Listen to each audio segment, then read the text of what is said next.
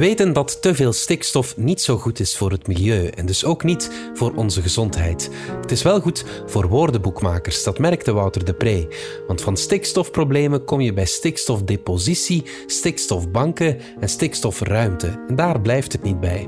Er bestaat zoiets als microdepositobanken, spookemissies, spitsrechten.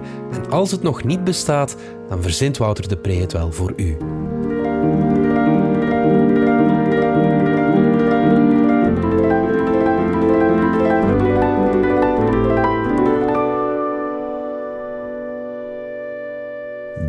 te trage daling in stikstofdepositie zorgt in Nederland voor een stikstofprobleem. Natuurgebieden verschralen door een te grote bodemrijkdom en stikstof veroorzaakt ook fijnstof en uitstoot van het broeikasgas methaan.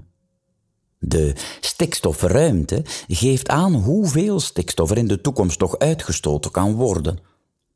Om een perverse werking van de vrije markt ongedaan te maken, gaf de Nederlandse overheid zichzelf vorige week voorrang op de privésector om stikstofruimte op te kopen. Die stikstofruimte zal opgeslagen worden in twee stikstofbanken.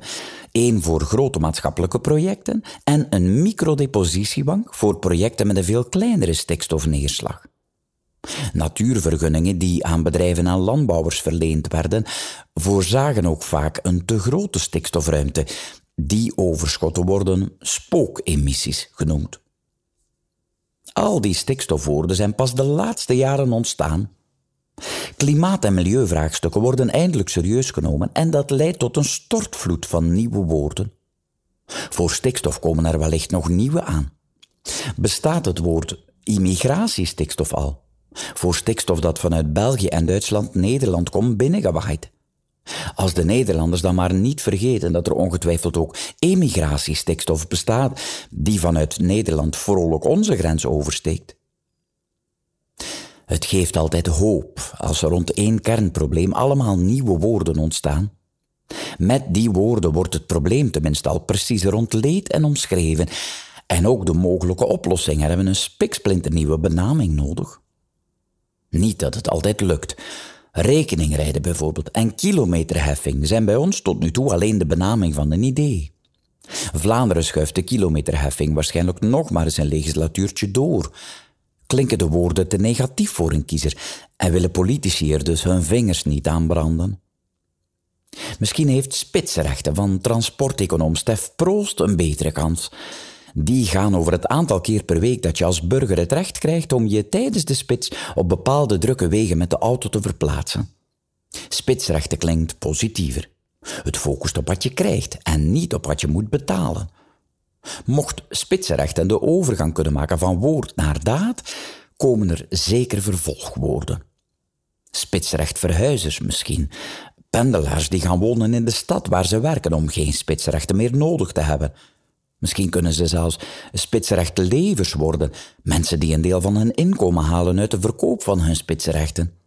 Spitsrechtstress voel je op woensdagochtend als je plots beseft dat je het einde van de week niet haalt met je spitsrechten. Maar daar zijn oplossingen voor. Je kunt carpoolen. Je hebt per auto maar één spitsrecht nodig, want er is splitsrecht met je spitsrecht. En op de spitsrechtbeurs worden spitsrechten verhandeld. Daar kun je er eentje kopen. Daar kan het fout gaan natuurlijk. Spitsrecht schaarste krijg je als spitsrecht speculanten spitsrechten gaan opkopen en tegen woekerprijzen doorverkopen aan spitsrechtafhankelijken. Mensen die niet anders kunnen dan met de auto naar het werk blijven gaan tijdens het spitsuur. En een spitsrechtbubbel of zelfs een spitsrechtcrash krijg je als de overheid het systeem plots op de schop zou laten gaan, omdat er te veel perverse neveneffecten opduiken. Maar zelfs met de mogelijke ontsporingen geeft een woord als spitsrecht een hoop. En die kunnen we wel gebruiken. Deze week las ik hoe Saoedi-Arabië aan weermodificatie doet. Kleine vliegtuigjes vliegen wolken binnen en lossen er strooizout in. Zo worden de regendruppeltjes groter en zouden ze eerder moeten vallen. Je voelt de bui al hangen. Zulke praktijken zullen even droge buurlanden boos maken. Het zal bekeken worden als regendiefstal. En voor we het weten, woedt er een wateroorlog.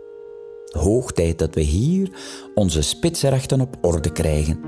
Anders wordt de droogte daar alleen maar groter.